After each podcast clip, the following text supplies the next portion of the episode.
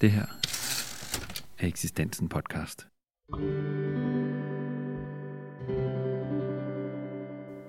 Papirklip har en særlig plads hos mange.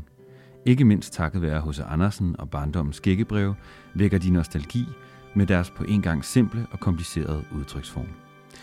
Eksistensen satte sig ned med forfatter og papirkunstner Christiane Hector for at høre om kunsten at klippe og hendes aktuelle papirklipbog Morfar.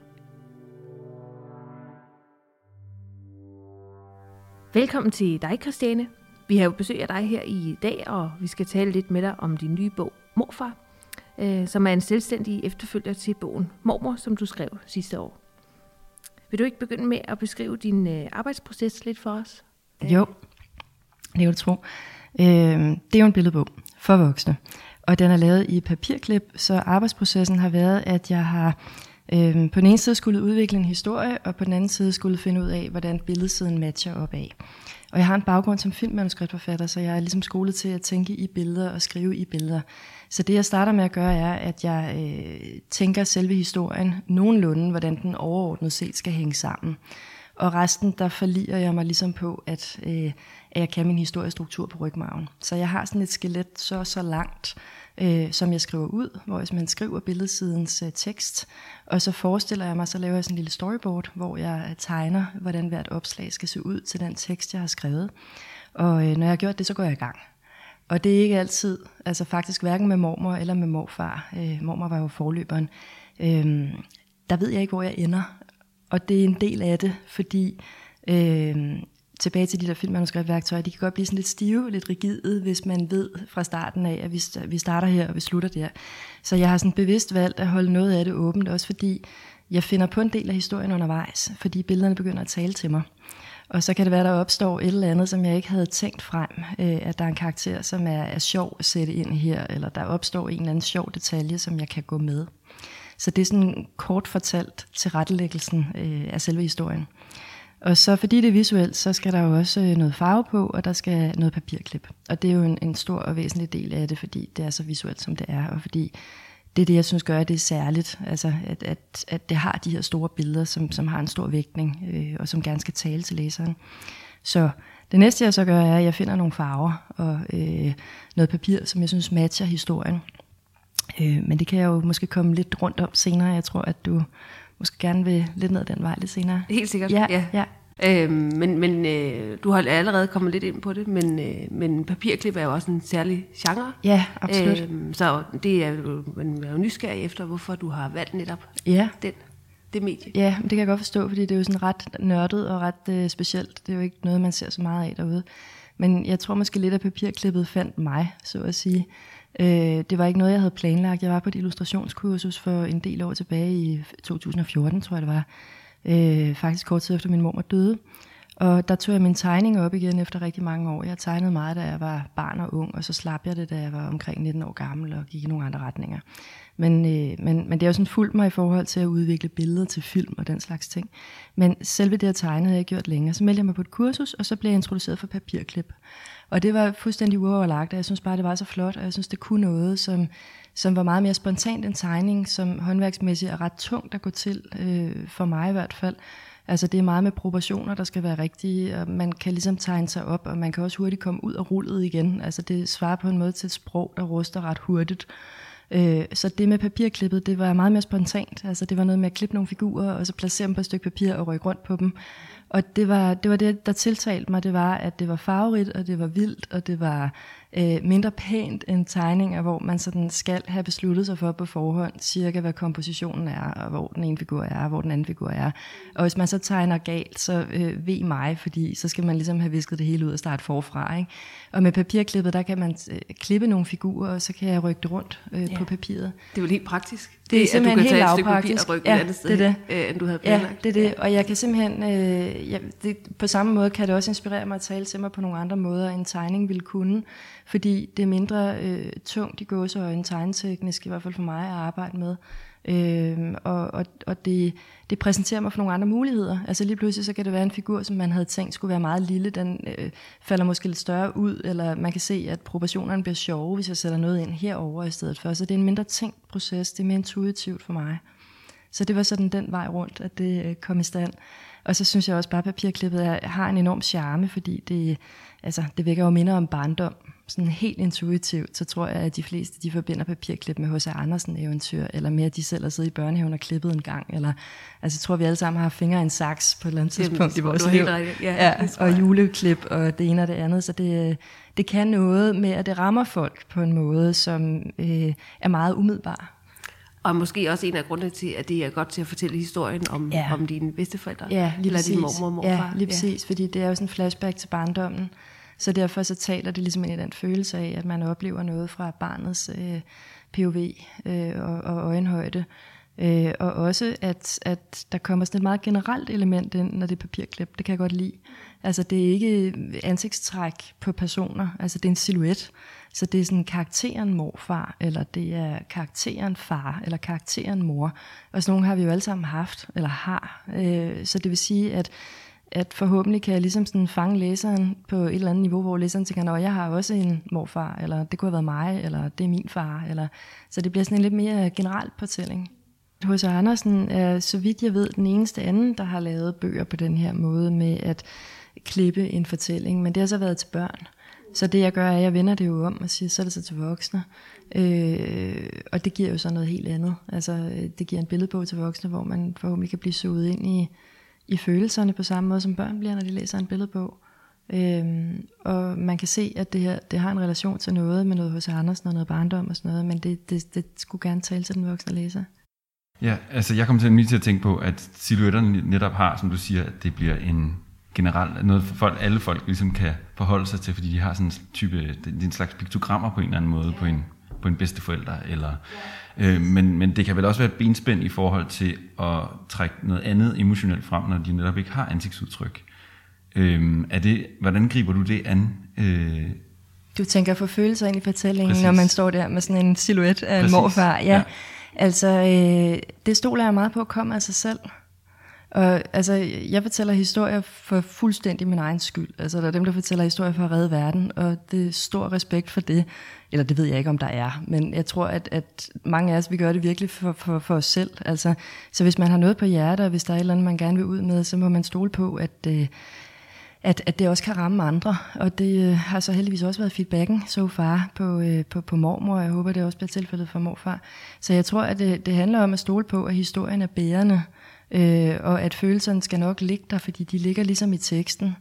Øhm, og det er også det, som jeg er skolet til i min filmuddannelse, det er, at man må ikke sige for meget. Og ud af det der ikke for meget, der opstår faktisk altid en masse følelser. Det er meget interessant, fordi der er jo de forfattere, der fortæller det hele, og det er jo også en måde at gøre det på, og den er lige så fin, det er bare noget andet. Øh, og så er der så det her minimalistiske lag, hvor man sig selv må lægge til og lægge fra, og det synes jeg egentlig, at de der silhuetter understreger ret godt at der må man også selv lægge til og fra. Der må man også selv lægge til, øh, hvordan ser morfar mund ud i ansigtet, når den der replik leveres. Altså, det behøver man måske virkelig ikke vide, fordi følelsen skulle gerne ligge der i beskrivelsen af handlingen rundt om det, der sker. Og det, det er det, jeg stoler på og forliger mig på. Altså, når man er uddannet manuskriptforfatter, så bliver man skolet i, at man må ikke øh, blande sig i instruktørens instruktion, og man må ikke blande sig i skuespillernes spil. Og det vil sige, at man må ikke lave en replik, hvor der står sådan i parentes bagefter, øh, Anders siger vredt i parentes, nu går jeg, udråbstegn. Altså det skal læseren gerne kunne læse ud af det, øh, man siger. Så hvis man i stedet skriver, Anders, øh, nu er det nok, udråbstegn, øh, går hastigt mod døren, smækker den efter sig, så har man forstået, at det var en vrede, der lå der. Altså det, det behøver man ikke pensle ud. Og det er sådan kunsten i det, og det, det appellerer enormt meget til mig, og enormt meget til min måde at fortælle på, at man ikke øh, overfortæller noget, men at det bliver holdt på, på sådan et meget, øh, et meget overordnet niveau, hvor man selv må udlede, hvad der ligger nedenunder. Det synes jeg bliver det spændende lag. Så på den måde synes jeg, det spiller godt op af det, du siger med, hvad så med øh, hvordan får man følelser ind i de der karakterer. Jamen jeg tror, at det er det, som forhåbentlig også gør folk nysgerrige, når de læser den. Hvad er det egentlig, der ligger i det der? Har det været vigtigt for dig egentlig at, at gøre det øh, ægte, eller at gøre det øh, reelt i forhold til, hvordan dine, din mormor og morfar egentlig var? Altså at tale med måske øh, andre familiemedlemmer for at vide, om det var sådan det egentlig var foregået? Med morfar var det. Altså med mormor var det ikke, fordi der havde jeg hende så længe, så det kunne jeg, det kunne jeg ligesom selv vurdere. Og så må man også på et eller andet, altså man må tage ansvaret for sin egen historie, forstået på den måde, at, at der er lige så mange versioner af, hvad en familiefortælling er, som der er mennesker i familien. Og der må man jo bare stå på mål for sin egen del og sige, at min er ikke nødvendigvis mere rigtig end de andres, men det, det er min fortællefrihed at gøre det på den her måde, og andre kan minde noget andet. Så der var, der var ikke rigtig behov for noget. Men med morfar, der var han sådan en, han var en, en, en mere diffus karakter for mig på den måde, at han var der, når han var der, ellers var han der ikke. Øh, så der havde jeg altså brug for lidt hjælp fra min mor. Der måtte jeg lige ringe hjem en gang imellem og sige, hvad, øh, hvad gjorde han med det der? Og jeg gjorde det på sådan en måde, hvor jeg ikke... Altså, jeg, jeg diskut, det var ikke sådan til forhandling, hvordan det var. Det var mere, at jeg havde brug for lidt research, og det var hun meget sød og åben over for. Altså, hun har ikke blandet sig i min historie, eller i, hvordan, hvordan jeg har gjort det, fordi jeg har også enormt meget brug for arbejdsro til at kunne gøre det på min måde, uden at, at der kommer flere kokke ind over. Mm. Altså, så, øh, det er så fornuftigt. Ja, ja. Og ja. uden at spoile for meget, så ja. har du jo også en sådan cirka halvvejs, tager ja. du også et skridt tilbage ja. i morfar, ja. øhm, og, og fortæller, at du er faktisk ikke sikker på, at det du lige har beskrevet Nej, er præcis. på det lige præcis. ja, det er rigtigt, det er mit eget metalag. Ja, ja. Præcis. ja. som fungerer rigtig godt jo, ja. øhm, skal siges. Øhm. Ja, det er jo en meget interessant kommentar til det ja. her, fordi det er jo en form for erindringsværk. Præcis, måde, ikke? Og præcis. det her med, hvordan husker man ting, øh, og, ja. øh, og det er, altså, fortiden er aldrig ens. Det er, det er noget, man husker, eller noget, man konstruerer. Ikke? Præcis. Det, det er meget interessant. Det er super spændende, og jeg så faktisk en dokumentar på DR, sådan cirka samtidig med, at jeg sad og lavede den her, som handlede om, det var en engelsk dokumentar, der var oversat, og den, øh, den handlede om, hvad er minder, at man tidligere ligesom har øh, opfattet minder som udtryk for noget, man kunne gå til og fra igen, og det ville være det samme minde, man tog ud, ligesom en bog i et bibliotek var sammenligningen i dokumentaren. Så når man hævde den der bog ned fra hylden, så ville det være det samme, der kom ud, og så havde de visualiseret det med sådan nogle sanseindtryk. For eksempel var der bogen, eller mindet mit første kys, og så kom der sådan en lade, og noget hø og et hjerte og et eller andet stykke stof i en farve, eller sådan forskellige ting. Og så næste gang man hævde den ud, kom der præcis de samme ting op. Men så var man altså kommet frem til i dag, at minder var noget, der blev bearbejdet løbende. Øh, sådan så øh, altså gradvist fik man altså bearbejdet de der ting, der kom ud af bogen, eller man fik konstrueret, at det var noget andet, end det det var. Og det synes jeg egentlig øh, var, var rigtig interessant. Altså virkelig interessant, også netop fordi jeg sådan måtte gå tilbage og sige, var det egentlig onsdag, han kom, eller sådan et eller andet. Nej, det var måske virkelig noget helt andet, det handlede om, uden at spoil for meget igen. Øh, og det, det synes jeg var, øh, ja, det var, det var bare tankevækkende for mig, at, at, at vi skruer ligesom minderne ind i nogle kasser, som sådan passer ind i fortællingen. Og hvad er et minde egentlig? Altså, hvor meget kan man stole på sin egen ukommelse? Mm. Ja, det er et godt spørgsmål. Og men det er ret uhyggeligt også, på ja, sin vis det også. Ja. ja, men dokumentaren kom de så frem til, at man skulle lade være med at se det som... Altså man skulle lade være med at se det som, som noget, der var trist, og det forandrede. Altså man skulle bare opfatte et minde som et kreativt, altså en kreativ proces ja. som var noget, der blev bearbejdet løbende, og det var det, det var, og ja. det var sådan, det var okay, altså, ja. Det er da helt sikkert også okay. Ja. Hvad hedder det? Ja. Er, er, dit farvevalg, tænker jeg på, ja, i forhold til ja, det, ja, du ja, har fortalt. Ja, ja. Er det, øh, som vi jo også lige var inde på før, har det noget med minderne at gøre? Altså, husker du mormor som blå og rød? Ja, det er meget. Altså, det, hun har sat farveskalaen i sin bog, fordi øh, hun havde det her ordsprog, der rødt og blåt klæder alle tosser godt. Så det er hendes bog, det har hun fået lov at bestemme, og så er det så i to varianter af det. Altså det lå lige for, og hun gik meget i de farver. Øh, med morfar, der, øh, der var det mit valg. Og så blev det så en, en farve mere, og der er også et opslag, som hedder, han gav mig det primære, og han havde flere farver end mormor. Så derfor har han så fået primærfarverne, som er grundfarverne øh, blå og rød og gul. Og det passede meget fint, det der med at gav mig de primære, så fik han en primær farve mere yderligere end hende, fordi han var lidt mere farvestrålende i min øh, erindring, end hun var på mange måder. Så han fik gul oven i hatten. Og så har jeg så sat øh, den skala på samme måde som i mormor, er der så to varianter af den samme farveskala. Og den ene der, den går bare tilbage til min 80'er barndom. Det var øh, ligesom barndomsperioden, øh, der bestemte de farver. Så jeg var inde hos min, min farvepusher, min, øh, min papirforhandler, hvor jeg var inde og se på, hvad der var af muligheder at sammenligne. Det bruger jeg meget tid på. Jeg er i mange forretninger og sammenligne materialer og sådan noget. Og så fandt jeg den der farveskala med sådan cyklamen pink og banangul og turkisblå, og så tænkte jeg, okay, det er mere sjældent end kønt, men det er sjovt. Ikke? Og så begyndte jeg at vise det til folk, som sagde, nej, var det smukt. Og jeg tænkte, gud, smukt? Nej, det var måske ikke det var måske ikke det, det, var ikke ville. det var jo ikke måske lige det ordvalg, men altså dejligt, de kan lide det. Og så begyndte de der farver simpelthen at poppe op i gadebilledet lige pludselig, så render alle rundt i dem, og så har 90'erne kommet tilbage, som jo sådan set er en forlængelse af 80'erne. Så jeg håber, det kommer til at gøre morfar godt, at øh, en del af det der farvelag er så 80'er overgang til 90'er øh, orienteret, at, øh, at det kan være blikfang. Det tror jeg helt sikkert, ja. det er. Der, der er også en, det er også en markant forskel fra mormor til morfar, ja. at der er flere farver. Ja. Øhm, og så det bliver beskrevet det, det fremstår på en eller anden måde mindre dogmeagtigt. Ja, ja, ja. Det, ja. ja. Nu var vi inde på det før, det her med, øh, at man husker forskelligt, mm. og at fortiden er noget, man konstruerer. Øh, og at det også vi, vi, vi havde talt om her, inden vi, vi skulle mødes, at det, det er jo nærmest en form for autofiktion på en måde. Ikke? Mm. At, det, at det netop er et erindringsværk, og det er meget personligt. Mm. Øh, og øh, så er det jo også sådan, at når, når, det, når det er så personligt, så er det jo en familiefortælling. Har du oplevet, for det har man jo hørt om før i, i, i autofiktionsgenren, hvordan er det blevet modtaget i familien? Øh, at dem, jeg har kontakt med, godt. Ja. ja. Altså, jeg synes, at øh, forskellen på det her og så andre autofiktionsbøger derude, er jo, at det her det er en mere generaliseret form. Altså, øh, det er mere karakteren den ene og karakteren den anden, som vi også snakker før om de der papirklipper. Jeg er jo bevidst, sådan anonymiseret og holdt kælenavn og sådan noget på, at det ligesom ikke blev for privat. Altså, øh, men altså, den har fået en rigtig fin modtagelse i familien, og det er jeg rigtig, rigtig glad for. Ja. Men det hænger vel også sammen med, øh, kunne jeg forestille mig, at du, som du selv siger, i en eller anden grad også har forsøgt at gøre det til en mere generel fortælling ja. omkring det her med, hvordan man husker bedste ja. forældre. Ja. Og... ja, og så tror jeg også, at det, at billedsiden er der, hjælper rigtig meget. Øh, jeg kunne forestille mig, at det er en helt anden oplevelse at sidde og læse kun det skrevne ord. Mm. Altså, og, og hvis man arbejder med det skrevne ord, så bliver man også nødt til at gå mere detaljeret til værks, for at der er en romanlængde, og så bliver det meget udpenslet alt sammen. Og det er jo ikke mit ærne, altså som sagt, øh, det er jo ikke min disciplin. Altså jeg arbejder med fortællinger, som øh, er baseret på handlinger, på billeder, ligesom filmmediet er. Ikke? Og derfor kommer vi også ret hurtigt igennem nogle ting. Øh, og det synes jeg, altså det er en del af kunsten, og en del af, af den måde, jeg arbejder på. Og det tror jeg også gør, at det bliver til at holde ud at læse. Altså. Og man kunne også forestille sig, at... Øh som du siger, at, at papirklipsmediet er et sådan nostalgisk medie, det er med ja. til at blødgøre fortællingen ja. på en eller anden måde. Ja, ja, ja præcis. Mm. Og så tror jeg altså også lidt, at altså, mormor var jo værket om familien, der skvattede sammen. Det er jo ikke nogen særlig sjov historie. Men det interessante er jo bare, at, at folk, der læser den, vender jo øh, meget ofte tilbage til mig og siger, der var også en moster Boob i min familie. Altså ikke nødvendigvis det, der skete, men, men bare, der var en, der havde det samme navn, eller i min familie, der skændtes vi ikke over uret, vi skændtes over noget andet. Altså det viser sig, at det er en meget, meget almengyldig fortælling, netop fordi den har den der meget generelle form. Øh, og jeg vil våge at påstå, altså jeg er personlig i det, jeg gør, men jeg bestræber mig på ikke at være privat, fordi det private synes jeg ikke er særlig interessant kunstnerisk.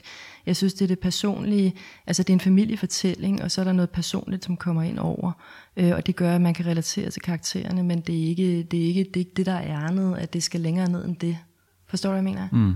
Altså fordi det synes jeg også bliver for det bliver for tæt på, eller for privat, eller for et eller andet. Altså, det, man skal, altså, jeg skal kunne holde ud og stå i det som afsender, men jeg skal også tænke i, at det skal være til at læse i den anden ende, for, for dem, der er at finde i bogen, og for, øh, for publikum. Og mit ærne er, at den skal tale til folk, så det er godt, at den har det der generelle, og det samme for morfar.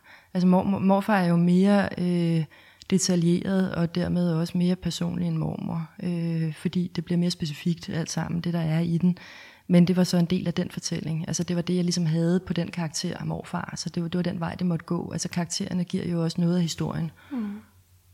Men det er jo også det, der er den gyldne balance, det er at finde den mellem det private og det personlige. Ja, ja. Men der er også i, i mormor, eller i morfar, undskyld, der er der jo også øh, noget, noget lidt mere Danmarks historie, har jeg ja, ja, ja, Altså ja, ja. Hektors Ro, for ja, eksempel, ja. Og, og den revyvise, du nævner, ja. og sådan noget. Der er ligesom noget ja. mere... Øh, det, det behøver ikke kun at være en morfar, man, man forestiller sig. Det er sådan et helt tidsbillede, ja. øhm, har jeg indtryk af i hvert fald som læser. Ja. Øhm, og det er meget fint skildret. Øh, og Hektorskro er måske en, en større virksomhed, som jeg må indrømme, jeg ikke har hørt om før. Og det er helt fair, øh, og det handler om generationer, fordi vores forældres generation øh, har faktisk meget ofte, jeg har altid hørt om den, har jeg lagt mærke til.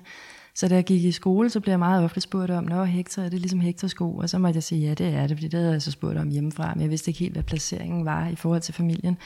Men det var altså sådan en, en kæmpe kæde over hele landet med en stor forretning inde på strået, og der var et eller andet røntgenapparat, man kunne stikke sin fod ind i, og så kunne man så få røntgen fotograferet, om skoen passede på foden. Uh. Og alle børn havde altså været inde og stikke fødderne ind i den der, og øh, jeg øh, svarer ikke for noget her i den anden ende, men det er sådan det, de husker. Mm. Så det var åbenbart sådan en begivenhed at gå til Hector og købe sko, og det var på gavlreklamer, det var et muligt, så forsvandt det simpelthen bare ud i 60'erne, uden at nogen vidste, hvor det gik hen. Det synes jeg faktisk var en af de triste elementer. Ja. I, det der med, at nu er den sidste gavl. Ja. Gavlreklame med ja. over. Ja. Det, det, ja, det, det, ja, det var meget trist, og det var også sådan, altså der var en i Valby Langgade, der boede i Valby, så kunne jeg sådan se den, og så en eller anden dag var den bare væk. Altså, og det er, jo, det er jo også sådan et stykke københavnerhistorie, at de der gavlreklamer har været der, og nu er de væk. Men de var også i Odense, øh, ved jeg fra min kærestes del af familien, som er derfra. Øh, så, så det var landsdækkende, og så lige pludselig var det ude, så jeg giver så et bud på, hvorfor. Altså det er, hvad jeg har hørt og har stykket sammen og sådan noget. Øhm, men, men det var det giver nemlig også et tidsbillede, det, det håber jeg vil vække en genkendelse hos øh, de lidt ældre læsere øh, i forældregenerationen og op efter, at de øh, kan huske noget med at gå til Hector og købe sko. Altså det generelle virker jo i den forstand, at øh, selvom jeg ikke har hørt om, om Hector sko, så vækker det jo genkendelse alligevel ja, ja. med gavlreklamer. Ja, og det er det. Jeg kan jo sagtens Jamen det er fint, fedt. I billedet, så, så det skal du ikke være ja. bange for. Og op ad det, der har jeg også valgt et andet farvelag. Altså der er jo de der to farvelag igen, øh, rød, gul og blå, men i to forskellige varianter på samme måde som i mormor. Og det ene, det er som sagt de der 80'er farver, som relaterer til min egen barndom. Øh, og det andet, det er sådan lidt mere Bauhaus-inspirerede farver. Altså det er en meget klar rød, samme rød som i mormor, og så en meget klar gul og en, en kongeblå. Og så også et sort lag for at give den der dybde, som, som min morfars liv jo også havde. Altså jeg tror ikke, at det har været et, et ikke tungt liv at vide, at man kommer i skærsilden et vist stykke tid når man dør, før man enten skal den ene eller den anden vej. Altså det tænker jeg tilfører nok en vis dybde, og øh, gør også noget for dispositionen af at forære sine penge til kirken efterfølgende. Altså, så øh, det ene med det andet. Så det er sådan det mere, det mere, hvad skal vi sige, seriøse lag, det er de der baghavsfarver kombineret med sort, som så fortæller den anden del af fortællingen. Og det øh, passer meget godt med hans ungdom. Der Bauhaus slog jeg op i går på nettet, det var sådan noget 19 til 33, tror jeg, det var sådan plus minus. Ja, det er 100 års jubilæum i år, tror jeg. Er det rigtigt? Den første Bauhaus-skole. Nå, det er rigtigt. Så det passer meget godt med hans barndom og ungdom, mm. så på den måde synes jeg, at de lag talt til det. Ja. ja. Men altså, han er jo også forløberen for en anden historisk tendens, som er skilsmissefamilien. Mm. Og der var min morfar så, og mormor first movers på det der. Ikke? Altså, det har der jo selvfølgelig altid været skilsmisser. Ikke? Men, men der er jo bare kommet rigtig mange af dem i vores forældres generation, den store 68-generation. Så det har været lidt usædvanligt, at der var, var nogen i bedsteforældregenerationen, altså den der gamle 50'er krigsgeneration der. Mm. Øh, Øh, så, så på den måde var han ligesom øh, tidligere ude end flere andre, der kom senere. Og på den måde tror jeg også, at det igen, selvom det er personligt, at det var ham, der blev skilt i den her historie, så tror jeg, det kan blive ret generelt for en læser. Altså der er mange derude i dag, som øh, skal finde ud af, hvad der er at være skilsmissebedste forældre. Og øh, nogen er jo bedre til at håndtere det end andre. Altså nogen kan holde jul med ekskonen eller eksmanden, og andre kan ikke. Jeg har hørt mange historier om besynderlige familiesammenkomster hen over jul, hvor at den ene ikke kan tåle synet af den anden alle de der mange år efter. Og det har jeg jo også en kommentar på i, i morfar, altså at de der 20, 30, 40 år efter, der glemte min mormor aldrig sit, sit nag til min morfar, hvor man sådan tænker, ja, okay, ikke? Altså, måske, var det, måske var det tid til at, at lægge det væk. Altså, om ikke andet, så bare for din egen skyld. Altså, vores andres kunne det også have været fint for, øh, men altså, han var ude af døren, så han mærkede det ikke, kan man sige. Men, men det var jo ikke, det var ikke noget, der bragte nogen, nogen lykke. Mm-hmm. Så sådan, det hensigtsmæssige havde jo været at sige, nå, okay, kunne man ikke mødes lidt om et eller andet. Og på den måde, så blev min morfar jo også... Øh, en sekundær karakter i familien, fordi det var hende, der stod med familierammen, og det er også derfor, det er delt op i to værker. Altså, der var nogen, der spurgte, hvorfor morfar ikke med? Jamen, det var han ikke, fordi det var han ikke. Altså, så det er to karakterer, og det er to værker, og derfor bliver første værk mormor også en historie om, om familierammen og familierammen, der skal være der sammen. Øh, og morfar, det er en karakter, altså det er en historie om karakteren morfar, fordi han stod ved siden af. Og det var noget, som, som jeg faktisk var rigtig ked af, altså stadigvæk som voksen, da jeg gik i gang med den, at at jeg følte, at han blev kørt ud på en, eller ikke følte, han blev faktuelt kørt ud på en sidelinje. Han var aldrig med til fødselsdage og til jul og sådan noget, og det er der jo også en kommentar på, både i mormor og i morfar, at det var ikke, min mormor var ikke en hyggelig karakter, da jeg var barn. Det blev bedre med alderen, absolut. Øh, men, men hun brød sig aktivt ikke særlig meget om mig, da jeg var barn. Og det, det er meget tydeligt at mærke. Øh, så jeg, jeg, jeg havde sådan en sorg ubearbejdet over, hvorfor min, min morfar ikke var med til de der ting, når det var så hyggeligt at være sammen med ham. Altså hvorfor kunne vi ikke have haft ham med til fødselsdagen i stedet for, eller et eller andet. Og det var simpelthen, fordi det, det, det gjorde man bare ikke. Det var sådan åbenbart præmissen, i hvert fald den familie. Og så var det ligesom hende, der stod tilbage med familierammen, og han måtte så ud på sidelinjen. Men så fik jeg jo også lejlighed til at snakke med min mor om det, da jeg lavede morfar. Og hun sagde, at, at hendes oplevelse var, at han kom i det omfang, han ville. Altså han var ked af, at han ikke var med til de der jule, øh, juleaftener og øh, fødselsdage og sådan noget, men han kom i det omfang, han ville, og besøgte os, når han ville, og på den måde så så vi ham faktisk mere, sagde hun. Og så er vi tilbage til erindring. Hvad er erindring, mm. og hvad er det, vi ønsker at erindre? Altså det ved jeg ikke. Men at han, han var der på sine egne præmisser, når han var der. Øh, og det var altid hyggeligt, når han var der. Og det, det var ligesom om, at der, der faldt sådan en sten fra mit hjerte, at, at jeg havde oplevelsen af, at han var kørt helt ud, og hvor meget så vi ham egentlig og sådan noget. Men det var, det var rart at vide, at han så i hvert fald kom, når han ville det. Ikke? Mm. Det vidste jeg godt, han gjorde. Men, men at han havde følt mere, end jeg måske lige havde troet. Ja. Så lyder det også som en form for sorgbearbejdelse, I har skrevet de her øhm, Meget. to. Måske også i forhold til så at tale med familien ja, om det, som ja, ja. du lige har snakket om ja. med, med din mor. Ja. Øhm, at der kommer nogle ting på banen, som man måske kunne skubbe ind under gulvtæppet mere ja. i andre familier. Ja. Øhm, hvor du, du sætter det på, på dagsordenen i ja. din egen. Øhm, og det, det må være meget fint. Altså det må, være, ja. det må også være rart for resten af familien, at der ja. ligesom er en, ja. et værk, der gør, øh, ja. at man kan tale om nogle ting, man ja. måske ikke havde talt om. Altså jeg tror, at det rykker sig. Altså det går fra, at det er på en måde, og så når det bliver læst, og når det ligesom, altså der kunne jeg også mærke med mor, mormor, at, øh, at der sagde min far, at ja, men altså, du bare sige, at det var den familiehistorie, eller det var sådan, det var, eller et eller andet. Altså, at holdningen til det rykker sig også lidt mm. undervejs, så jeg tror, at, at det tager brøden af det, at man ser det visuelt, og at, at, øh, at, at, at det var det, mm. så at sige. Altså, så ligger det der, om jeg så må sige, men det, det er visuelt, og så er bogen læst, og så kommer den på hylden, og så var det sådan. Eller, så jeg tror, det kan noget på den måde der. Men det er jo bare på det personlige plan for, for mig, kan man sige. Fordi for læserne derude, der sidder de jo og læser sig selv ind på alle mulige ledere og kanter, uden at vide de her ting. Altså de sidder jo bare og tænker, gud, hold da op. Den, den der juleskive, juleæbleskive kom sammen, kan jeg også huske, eller, eller hvad det er. Altså, ja. Jamen det er det. Men ja, altså det du siger med sovebearbejde, det er der helt klart noget. Jeg har et opslag i morfar, som hedder, jeg drømmer af at se om natten, og han stadig lever, og jeg har bare glemt at besøge ham meget længe. Og den drøm havde jeg altså i mange, mange år. Og det var, det var vildt ubehageligt, altså fordi han døde, da jeg var 11, ikke? og nu er jeg nærmest 40. Altså, jeg synes virkelig, det var... Jeg synes virkelig, det var ubehageligt at vågne i den der, sådan, øh, er han der, eller er han der ikke, eller hvor bor han henne, eller ja. øv, det var en drøm, det var der ikke alligevel, ikke? Og, øh, og den er simpelthen gået væk.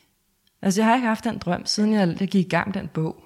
Okay, det er vildt nok. Ja. Jo, men det er vel bare, ja. altså enten er det underbevidstheden, som sender mig en lille mail i indbakken og siger, hej hej, der er lige noget, du har glemt at beskæftige dig med, og så beskæftiger jeg mig med det, og så har jeg jo, altså nu har jeg jo besøgt ham, kan man sige, ikke? Øh, eller også så er der mere mellem himmel og jord, og så er der nogen, der kan nå os i et drømmelag. Altså der er noget bevidsthed, der er en eller anden tilgængelighed for nogle tanker. Jeg tror, det er en kombination af dem begge to. Ja, det er en, det, jeg holder mig absolut åben. Ja, ja. det lyder fornuftigt. Ja. Jeg kommer til at tænke på, Øh, nu har du, du har også øh, holdt foredrag sammen med Leonor og Christina Skov nogle gange ja. øh, i forbindelse med mormor. Ja. Øh, og jeg faldt bare over øh, sætningen, den der lever stille, lever godt. Ja, det er i, rigtigt. I morfar. Ja, ja. Øh, og tænkte, det er jo det, der er linket mellem jer to. Øhm, er, det, er det noget, du også, brugte du hende også i forhold til at lave morfar færdig? Og... Jeg brugte hende i forhold til at komme i gang, faktisk, ja. fordi efter den samtale, der jeg aldrig mødt hende før. Hun er jo en skøn og meget generøs person. Altså, hun er, hun er virkelig forstået det der med ikke bare at altså, øh, nyde sin egen succes, men, men virkelig også øh, fordelt den ud til andre. Altså, det er jo utroligt generøst, at hun tænker, at hun har udgivet en bog, den er fed, hun skal med mig ind i en forfattersamtale.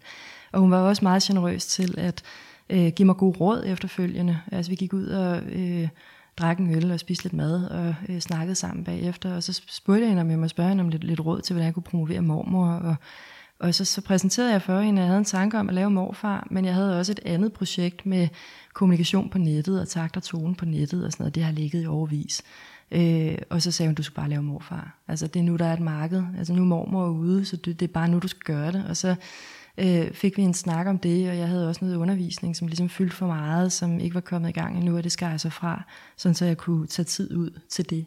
Så det er også, øh, hvad skal vi sige, selvfølgelig har jeg lavet den selv, men, men det er helt klart også tak til hende i forhold til nogle anbefalinger med lige at skære lidt ind til benet nogle gange. Det kan man godt have, have brug for hjælp til.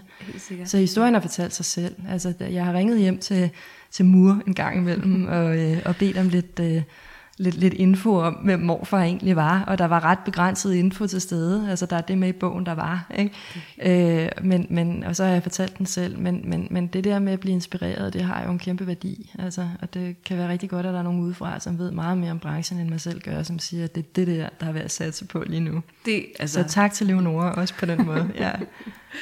Det, det var fordi, det var så markant. Ja, ja, ja. Øh, også at, øh, at jeres historie jo ikke på den måde minder om hinanden, men at der alligevel var ja. øh, det link, der også gør, ja. I tydeligvis begge ja. to er, ja, ja, ja. jo så taler ja. til noget Nej, hun har, ikke, hun har ikke været inde over lige der, men det ja. tror jeg simpelthen handler om, at det var øh, en, en ting i tiden. Uh, altså, præcis, og det er det også der, det der. Altså, det med at leve stille og leve godt. Præcis. Så ja. jeg har også tænkt lidt over, hvad min morfar må ville mene om, at jeg så ligesom laver et værk om ham, ikke? Altså det er jo et absolut positivt værk om det ham. Men, er meget men, positivt. Men ja. man kan sige, at øh, han, lever ikke, han lever ikke stille videre nu i hvert fald. Nej, det kan ja. man sige. Nu har vi snakket lidt om det. Øh, men udover at du i højere grad øh, var afhængig af andres hukommelse ja. i, øh, i at skrive eller lave morfar, øh, hvad har du så øh, gjort? Har du gjort noget anderledes, eller hvad har du taget med fra at lave mormor til at lave morfar? Altså er der noget i processen, du har måttet tænke om, eller øh, gøre radikalt anderledes, eller justeringer? Eller? Øh, for at vende tilbage til den første del af spørgsmål. Øh, hvad var det? Fordi der var en, jeg havde en tanke der. Ja, men det var, det var øh, at du i højere grad var afhængig af, af andres hukommelse, ja, det er rigtigt. Ja. ja, altså, ja, det hænger faktisk lidt sammen. Altså, det jeg huskede om min morfar var, det bare altid var enormt hyggeligt. Og det er der ikke super meget dramaturgisk spændvidde i, vel? altså, det er ikke sådan, det er ikke, øh, det er ikke der, de store vendepunkter eller points of no returns kommer til at ligge.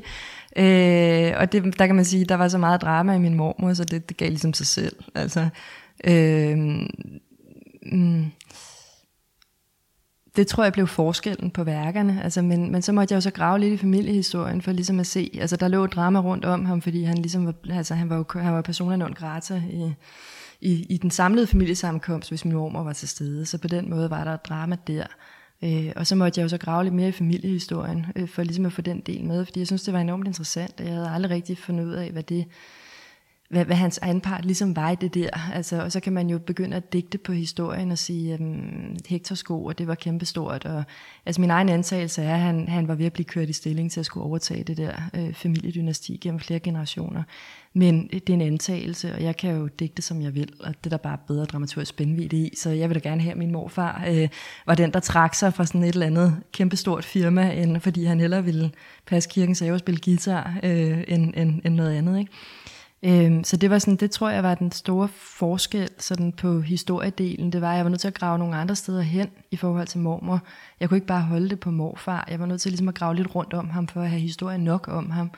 Og så er han jo stadig en lille smule en, en lukket bog for mig. Altså hvorfor, hvorfor kom han til Danmark? Han var halvt fransk og havde, var vokset op i Paris. Hvorfor kom han til Danmark? Jamen altså, det gjorde han så for at arbejde i onkel Holgers familie, nå, eller onkel Holgers skofirma, nå, okay.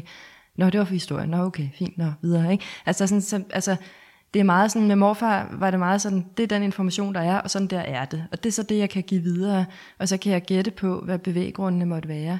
Og det er jo sådan en helt anden måde at fortælle historien på, øh, modsat at have siddet med til det der æbleskivearrangement ude hos min mormor, og vide, hvordan jeg oplevede den del.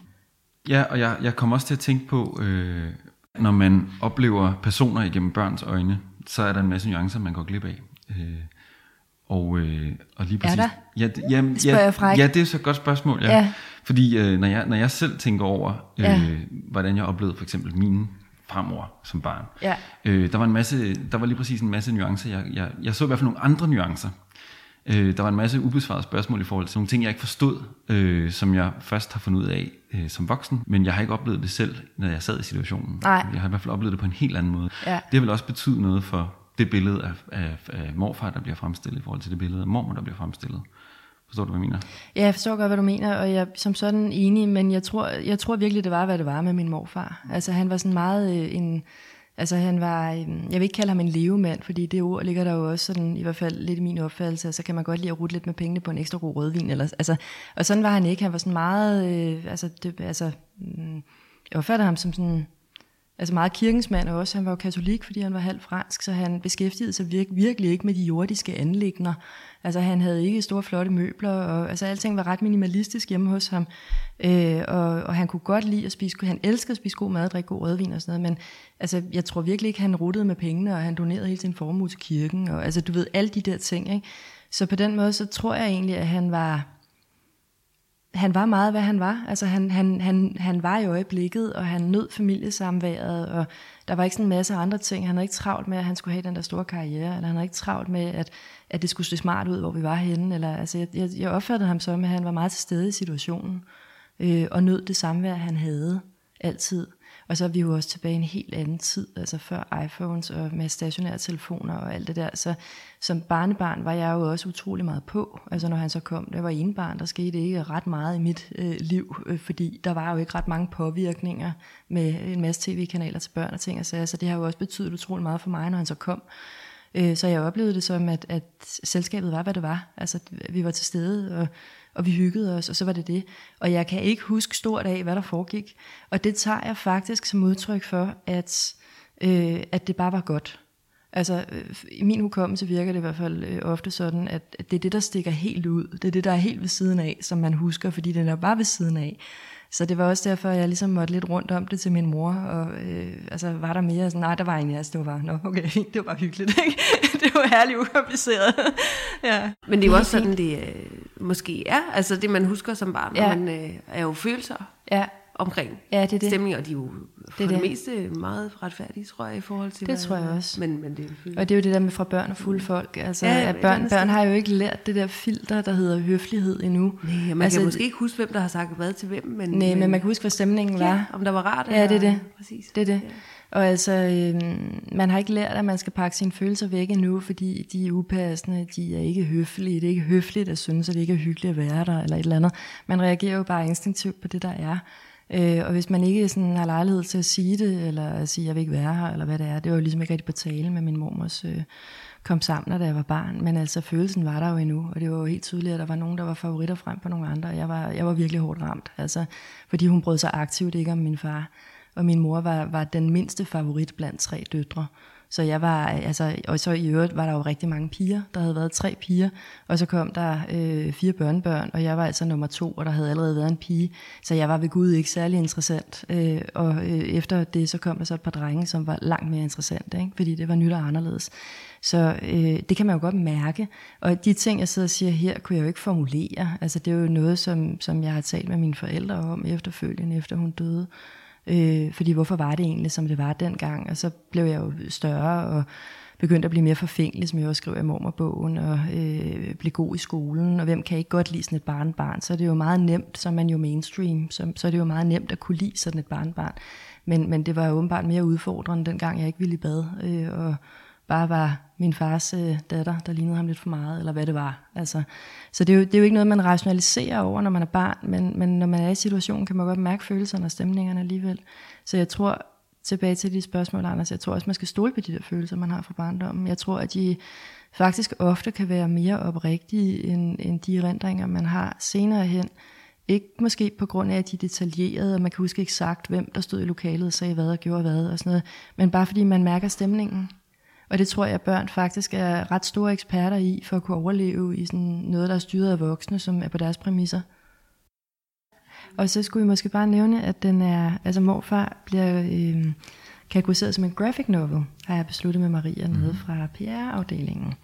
Øh, og det synes jeg er en god idé, kan jeg også forstå, og det er jeg glad for, fordi jeg tænker, at øh, det er det er jo ikke en graphic novel forstået på den måde. Det er jo ikke en tegneserie med rubrikker. Det er jo en billedbog, men det er jo en visuel fortælling, som lægger sig i den boldgade, så jeg håber øh, rigtig meget på, at morfar kan, øh, kan blive fundet af nogle andre læsere også, mm. som, øh, som også sådan, altså, øh, værdsætter og leder efter den type visuel fortælling.